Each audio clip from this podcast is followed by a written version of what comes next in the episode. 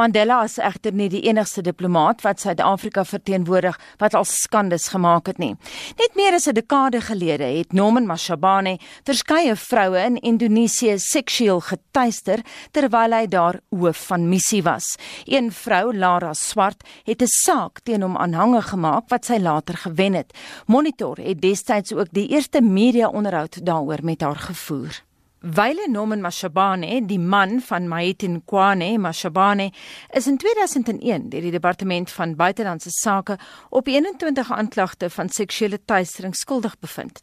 Die destydse minister van wat toe nog bekend gestaan het as Buitelandse Sake, Nkosazana Dlamini Zuma, het hom egter in sy posisie as hoof van missie in Jakarta behou hangend 'n appelhofsaak. In Junie 2003 is nog 'n aanklagte van seksuele teistering teen Mashabane gelê, waarna minister Dlamini Zuma steeds by hom gestaan het. In Desember van daardie jaar het die Pretoria se Hooggeregshof Norman Mashabane egter skuldig bevind aan seksuele teistering, waarna hy die diplomatieke diens verwel geroep het. Die ANC het egter vir hom 'n lêplek in Limpopo gekry waar hy die politieke raadgewer van die provinsie se premier Sello Moloto geword het. Die saak is gedryf deur die DA se destydse parlementêre hoof Sandra Botha met wie monitor verskeie onderhoude oor die sekstuistering gevoer het. Botha onthou vandag steeds die saak baie goed. Dit wys nog nie net dat dit nie nie is dat mense aangestel word wat jy nie sou onder die definisie van diplomaat gereken het nie. Ek dink Mashabani was een van daai, want duidelik kon hy hom nie gedra nie en die minste wat jy van 'n ambassadeur kan verwag is gewone goeie maniere. Maar hy het misbruik gemaak van sy mag. Dit het seer geskemer van al die vrouens en gelukkig het Lara Swart destyds dit bekend gemaak van wat hy met haar gedoen het en omdat hy die ambassadeur was, was dit baie moeilik om daarteen te reageer. Ek het destyds gevoel want ek was baie betrokke by die vrouebeweging in Suid-Afrika dat ons moet praat en het dit gedoen. Dit het aanklank gevind want ek dink baie vrouens land in 'n posisie waar hulle in die mag is van mense wat polities oor hulle aangestel word en wat hulle werk is afhanklik van die persoon. En dan kan hulle maklik deur daai mense daai mans nie sal ek kan seker soms trouens maar baie min maar dan kan hulle deur die mans misbruik word. En die eerste ding nog daar was is dat ek probeer het om die public protector te kry. Onthou jy destyds was dit Botswana om op te tree want dit sê so gedink het dit is sy werk om dan ook die publiek die public protector die publiek te beskerm en 'n voorbeeld te stel, maar hy was weer ondergeskik aan die minister destyds en die minister, Nkosazana Dlamini Zuma, was 'n vriendin van die vrou van Mashabane. Sy was ook op daai stadium was sy 'n ambassadeur. So jy kan sien hierdie hierdie hele netwerk van mense wat mekaar ken, voorheen met mekaar saamgewerk het en dan gevolglik ook lyk dit vir my mekaar beskerm wanneer daar dinge verkeerd loop. En gevolglik die ondersoek in die departement na Lara se situasie Lara se die wolwe gegooi. Die ondersoek is toegesmeer Lar uh, Moshwane, die public protector, het nie wou nie daaraan werk nie, maar het gesê dit word reeds deur die departement ondersoek. En die mense wat dan probeer om die whistleblowers te wees of wat vir hulle self opstaan en sê jy kan my nie so behandel nie. Hulle is die mense wat die prys betaal aan die einde, want polities is die ander beskerm. So ek is bevrees jy gaan sien met die ambassadeur nou in Denemarke wat homself ontsettend swak gedra net in terme van gewone karakter en integriteit en goeie maniere verhoudings tussen mense kan sy skaars op die laagste vlak kwalifiseer as 'n ambassadeur of 'n diplomaat. En sy sal net daar gehou word En so voorspel die DA se voormalige parlementêre hoof Sandra Botha wat gister met my gepraat het. Intussen sê die woordvoerder van die departement van internasionale betrekkinge en samewerking, Klaisen Monjela, hy het gereageer op die voorval en hy sê hulle sal eers sekere feite moet nagaan. See that account that everybody is talking about is not verified. So it's difficult to say with certainty that it's her account. I we've not been able to speak to her since Friday. Ever since those tweets came out. Tried again even today. Uh, she her phone has been off. So there are three things we need to verify first uh, before we can take the process forward. One, whether that is her account because it's not verified. Number two, whether she's the one that tweeted those things. Number three, whether if it's her that tweeted, she takes responsibility for those tweets, as in she stands by them. Then we can use the social media policy of the department to take the process forward. But until we establish the authenticity and the veracity of those tweets, it's difficult for us to move forward. So we're still trying to uh, determine whether this is a account and whether she's the one that tweeted. I'm sure you've heard of people being hacked on social media, yeah. uh, even if uh, they've got accounts. So uh, none of those things have been uh, established as yet. En eh, so sê 'n woordvoerder van die departement van buitelandse sake, Kleisen Monjela, ons moet liewer sê die departement van internasionale betrekkinge en samewerking. Ons bly by die storie.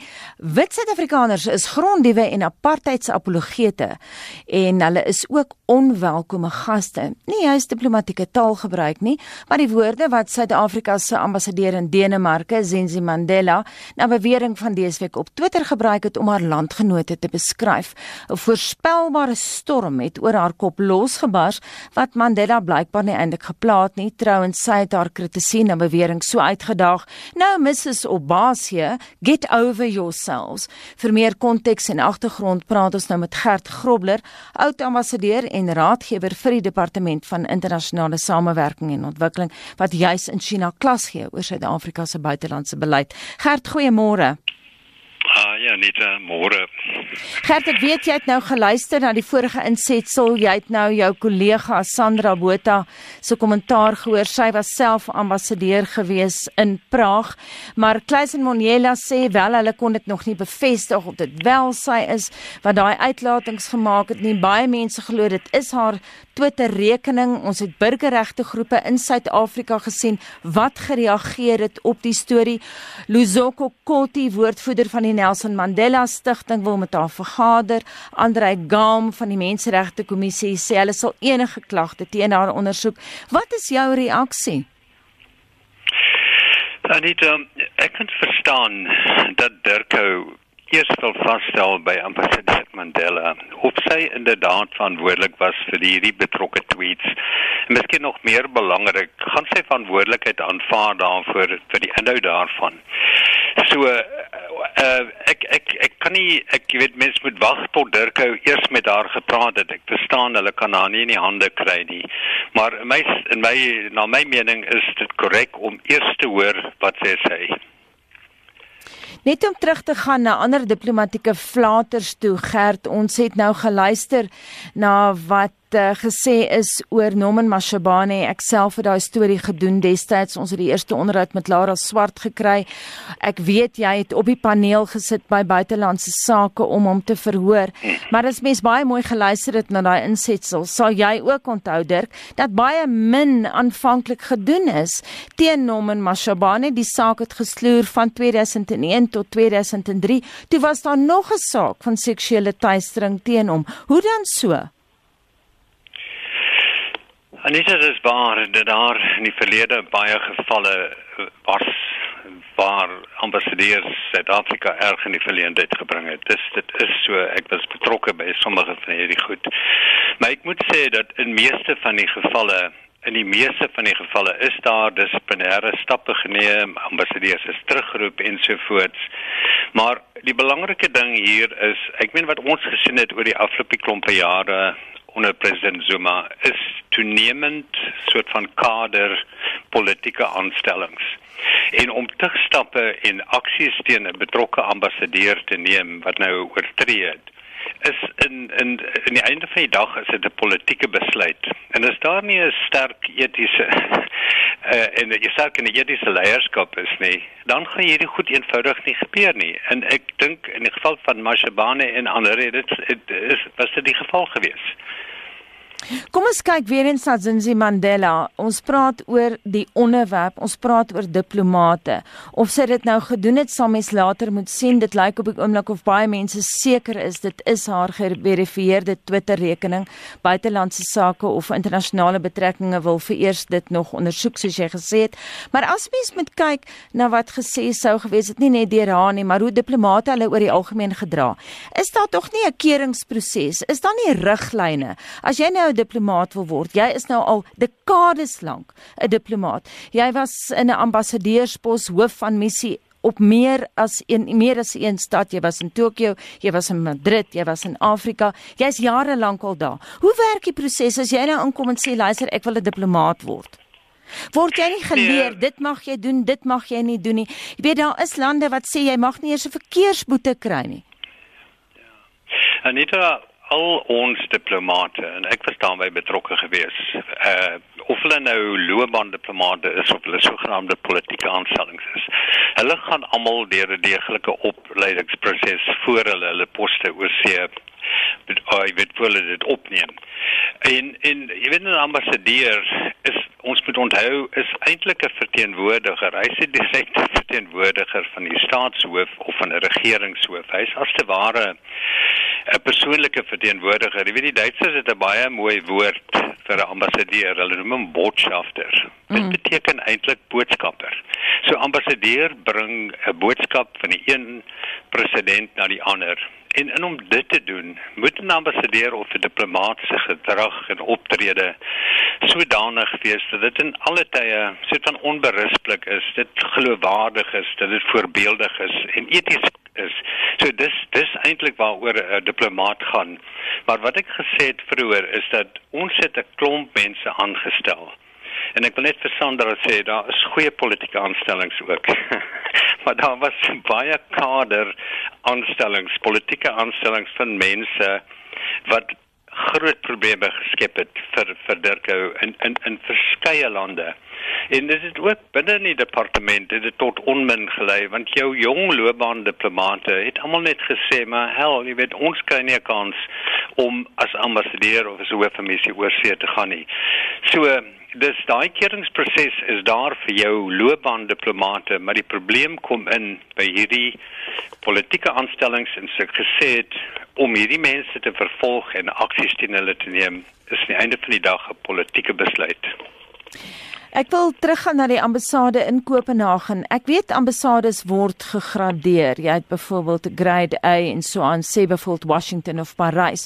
Hoe hoog word die ambassade in Kopenhagen aangeslaan? Hoe gesog is daai pos?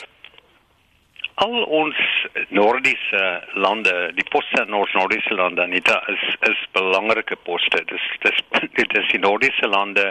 Ons het tradisionele en en en, en baie vriendskaplike verhoudinge met daai lande. Maar wat uh, wat wat jy wat hulle doen met ambassades is dat gewoonlik jy weet jou jou ambassadeurspos is gekoppel aan 'n sekere rang. So die meeste van ons ambassadeursposse oorsee is gegradeer op 'n direkteursrang. So ek dink dis waar uh ambassadeur Mandela het ons bevind. Jou soos jy gesê het jou jou jou jou hoër poste kom sy jou lande soos soos uh soos die VN, soos Londen, Tokyo en ander is almal op hoofgrad hoofdirekteurspost gegradeer. So daar is 'n gradering, maar ek dink sy bevind haarself op self tans op 'n direkteurspost en maar dit is belangrik. Ek meen en ek kom terug na wat ek gesê het, ambassadeurs moet in alle tye geloofwaardig wees. Hulle moet voorbeeldig wees en eties korrek wees. Maar dit het 'n bietjie probleme opgetel met hierdie kader en politieke aanstellings wat ons oor die afgelope klop jare gesien het. Hoeveel skade kan so 'n uitlating doen in die diplomatieke wêreld? Jy het nou gepraat reg van 'n botschafter, 'n boodskapper vir 'n spesifieke land wat beteken jy met al jou landsburgers verteenwoordig. Maar wat se skade sou so 'n uitlating indien sy dit wel gemaak het doen aan die verhouding tussen Kopenhagen en Pretoria? Wel nie net Kopenhagen en Pretoria nie, net ek het al reeds van kontakte gehoor by ander missies in Pretoria waar hulle hulle erg frons oor hierdie oor hierdie uitlatings. Want dit gaan oor baie sensitiewe kwessies van rasisme van grondhervorming. En dit kom op 'n tydstip waar ons dit eintlik nie kan bekostig nie. Dit is verdelend. Dit dit laat letsels binnelands. Maar ek moet sê ek is ek is um, ek ken vir minister Naledi Pandor nou al 'n klompe jare. En ek kan net ek wil glo dat sy en die president nie meer sommer verlief geneem met hierdie ehm um, wat ek net kan beskryf as 'n onvergenoeglike situasie in ons diplomatieke diens nie.